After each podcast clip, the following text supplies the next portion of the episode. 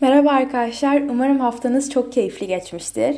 Birkaç tane siyaset bölümünden sonra psikoloji ve kişisel gelişim bölümlerine bir geri dönüş yapayım dedim. Bu bölümde Myers-Briggs kişilik testi hakkında konuşacağız.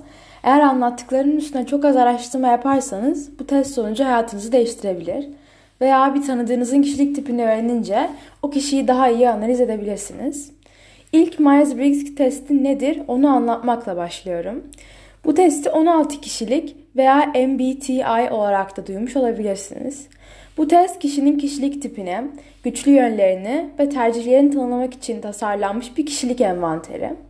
Isabel Myers ve Catherine Briggs, ünlü psikolog Carl Jung'un kişilik tipleri teorisine esinlenerek bu testi geliştirdiler. Genel amaçları Carl Jung'un çalışmalarını daha erişilebilir ve uygulanabilir yapmaktı. Bu test dünyada kullanılan en yaygın kişilik değerlendirme araçlarından bir tanesi. Kariyer ve meslek seçimi gibi önemli konularda rehber olarak kullanılıyor. Bu yüzden bazen okul veya iş yerlerinde bu testi yaptırıyorlar. Aynı zamanda kişilik, tip, kişilik tipleri uyumluluğuna bakmak için de kullanılıyor. Arkadaşlarınız, partneriniz veya ailenizin kişilik tipini öğrenip onları daha iyi tanıyabilirsiniz ve internetten uyumluluğunuza bakabilirsiniz. MBTI testi nedir onu öğrendik diye düşünüyorum. Hadi o zaman sınıflandırmaya geçelim. Myers-Briggs kişilik tipi sınıflandırmasına göre 16 kişilik tipinin her biri kişiliğin 4 alt kategorisinin farklı kombinasyonlarından oluşuyor. Yani 4 tane alt başlıklar var ve bunları dörtlü gruplar halinde grupluyoruz. Yani 4'ün karesinden 16 tane kişilik oluyor. Bunları belirten I, N, T, J, S gibi harfler var. Şimdi bunlar ne anlama geliyor ondan bahsedeceğim. Ama unutmayalım ki bu harflerden atıyorum E çıktınız. Bu tamamen extrovert olduğunuz anlamına gelmiyor. Bunların hepsi bir ölçek. Bu ölçeğin en dışa dönük kısmında da olabilirsiniz. Yani %100 E çıkabilirsiniz. Ama sadece %51 çıkarsanız da sizi E sayıyor. Yani e, toplama 4 haneli şeyinizde E'yi görüyorsunuz. Bunlarda ilki enerjisinin kaynağına göre I ve E harfleri. İki, dünyayı algılama şekline göre S ve N harfleri. 3. Karar verme sürecine göre F ve T. 4. Yaşamı düzenleme şekline göre J ve P. İlk enerjinin kayna kaynağına göre de başlıyoruz. Bunlar I ve E diye ayrılıyor. Yani introvert ve extrovert. Introvert içe dönük demek, extrovert de dışa dönük. İlk introvert ile başlıyorum. İçe dönük insanlar enerjilerini kendilerinden alırlar. Yalnız vakit geçirmekten çok keyif alırlar ve genelde sosyalleştikten sonra kendilerini yorgun hissederler ve yalnız kalma ihtiyaçları doğar. Ekstrovertlerde tam tersi. Etraflarında çok fazla insan olmasını severler ve bundan enerji ve keyif alırlar. İnsanlarla bir araya geldiklerinde mutlu olurlar ve yalnızlığı çok sevmezler. Yani anlayacağınız gibi bu kelimelerin utangaçlıkla pek bir alakası yok. Etrafta böyle e, introvertüm o yüzden arkadaşım yok gibi bir şey duyarsanız aslında öyle değil. Bu daha çok işte enerjinizi nereden aldığınıza bağlı, neyin sizin enerjinizi sömürdüğüne ve nereden mutlu olduğunuza bağlı. Yani introvert mi extrovert mi olduğunuzu anlamak için kendinize direkt dışarıda sosyalleştikten sonra enerjim artıyor mu? Kendimi daha iyi hissediyor muyum diye sormanız gerekiyor. Eğer eğer cevabınız evetse dışa dönük olmaya daha yatkınsınız demek olabilir. Ama tabii yine de test sonucuna göre karar verin e, introvert mi extrovert mi olduğunuza. Bunu bitirdik. Şimdi ikiye gelelim. Bu da algılama şekillerine göre ayrılıyor.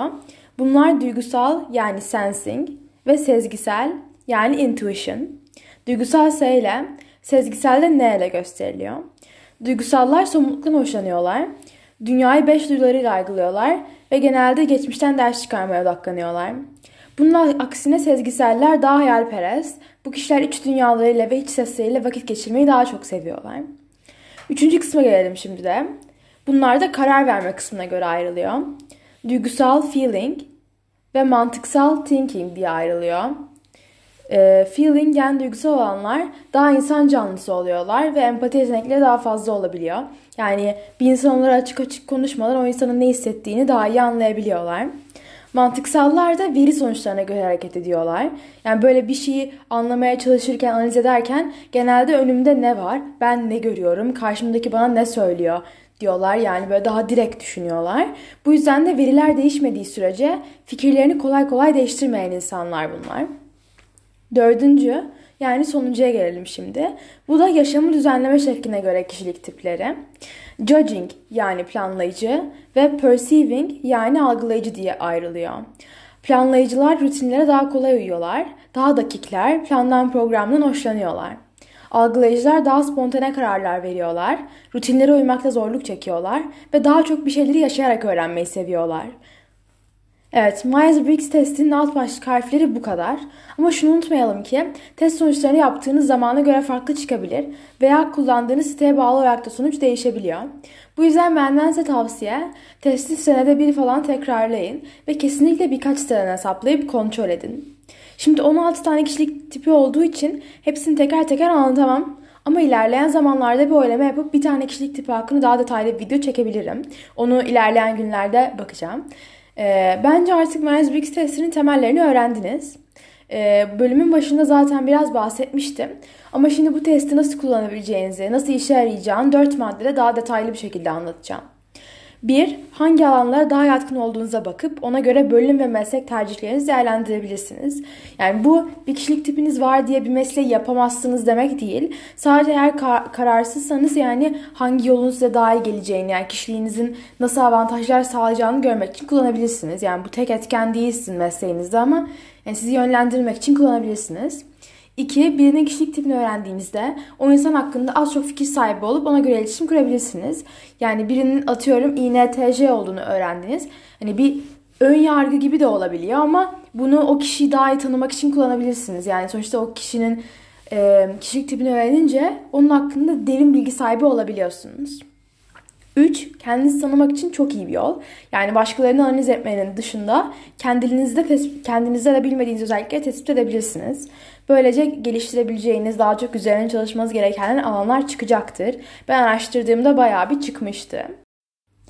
Dördüncüsü yani sonuncusu en eğlencelisi bence. İnternetten size aynı kişilik tipi olan ünlülere veya film dizi karakterine bakmak oluyor. Bir anda bir dizide kendinize çok benzettiğiniz bir karakterle aynı kişilik tipiniz olunca aa evet bundanmış diyeceksiniz ve daha fazla ortak özelliğiniz hakkınıza gelecek. Bunlara direkt internete people with veya characters with deyip kişilik tipinizi yazarsanız çıkar. Mesela direkt e, characters with INTJ derseniz izlediğiniz dizilerden hangi e, karakterlerle benzerlik gösteriyorsunuz bakabilirsiniz. Ben de Instagram'a her bir kişilik tipi için iki tane ünlüyü paylaşacağım. Bu isimler arasında Hitler, Trump, Beyoncé gibi insanlar olacak. O yüzden Instagram'da ufak bir giriş yazıp oradan da bakabilirsiniz. Ee, bu kişilerden bazıları röportajlarda veya söyleyişlerde kendileri söylüyorlar kişilik tiplerini. Ee, bazen de kişiler söylemeyince insanlar tahmin ediyor ee, bu kişinin konuşmalarından, e, günlüğünden vesaire. Yani daha MBTI çıkmamışken doğmuş insanlar Picasso'nun falan da e, kişilik tipini tahmin edenler var. Yani bunlar %100 doğru değil ama hani internette e, biriyle aynı kişilik tipinde olduğunu söyleniyorsa illaki bilin ki bir ortak yönünüz vardır yani çok büyük benzerlik göstermeseniz de. E, bu Myers-Briggs testini daha iyi anlamak için illa uzun uzun makaleler okumanıza gerek yok. Bunu öğrenmek daha eğlenceli bir şekilde ilerleyebiliyor. Ee, mesela YouTube'da bayağı eğlenceli formatlarda paylaşım yapan bir YouTuber var. Ee, ben onu çok seviyorum. Onu açıklama kısmına da e, bırakacağım. Ee, o böyle şey falan paylaşıyor. Ee, işte bu kişilik hoşlandığı kişinin yanında nasıl davranır? e, bu kişilik bir partide nasıl davranır falan diye. Orada kendi kişiliğinizi bazen bekliyorsunuz, izliyorsunuz diyorsunuz ki hani bu kadar aynı olamaz diyorsunuz. Böyle spesifik bir şekilde benzer de çıkabiliyor. E, bazen biraz alakasız da çıkabiliyor. Sonuçta e, tüm insanlığı 16 tane gruba bölüyor. Hani o kadar o yüzden bireysel şeyler çıkmayabiliyor bazen ama bazen de böyle şaşırtıcı derecede sizde aynı şeyler çıkabiliyor. E, bence bu testi cidden araştırın e, YouTube'dan özellikle. Çünkü ilişkileriniz, liderlik yetenekleriniz ve kendiniz açısından çok faydalı olacak. Bu testi internete bunları yazarak yapabilirsiniz. 16.personalities.com ücretsiz kişilik testi. Diğer bir seçenek de MBTI Sarkinova sitesinden yapabilirsiniz.